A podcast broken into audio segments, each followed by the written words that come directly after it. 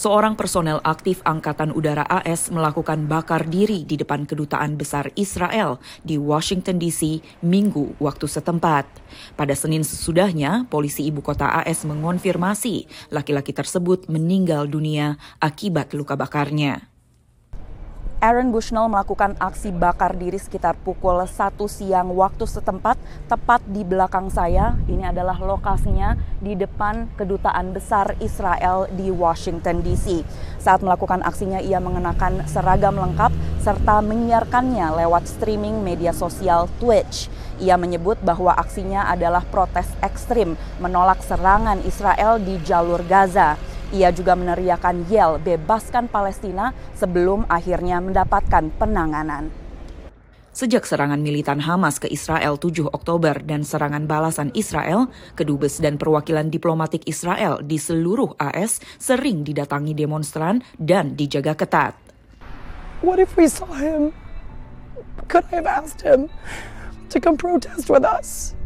Could I have given him hope that change is possible and he doesn't have to risk his own life for it. Pada Desember, seorang demonstran juga melakukan bakar diri di depan konsulat Israel di Atlanta.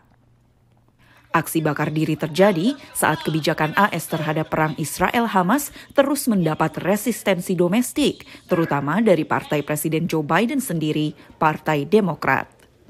Di Michigan yang menggelar pemilihan pendahuluan pada 27 Februari, isu Gaza memecah opini warga setempat, terutama pemilih Yahudi dan pemilih Arab serta Muslim. I think Biden has done a pretty good job.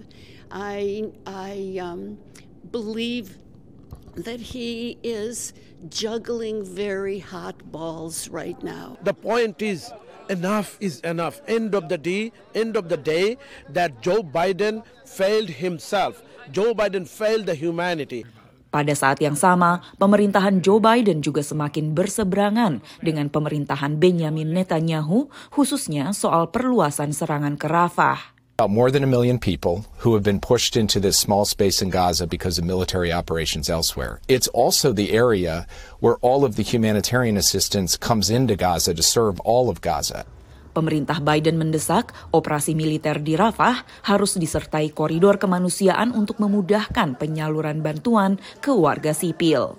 Dari Washington DC, Valdia Baraputri dan tim VOA.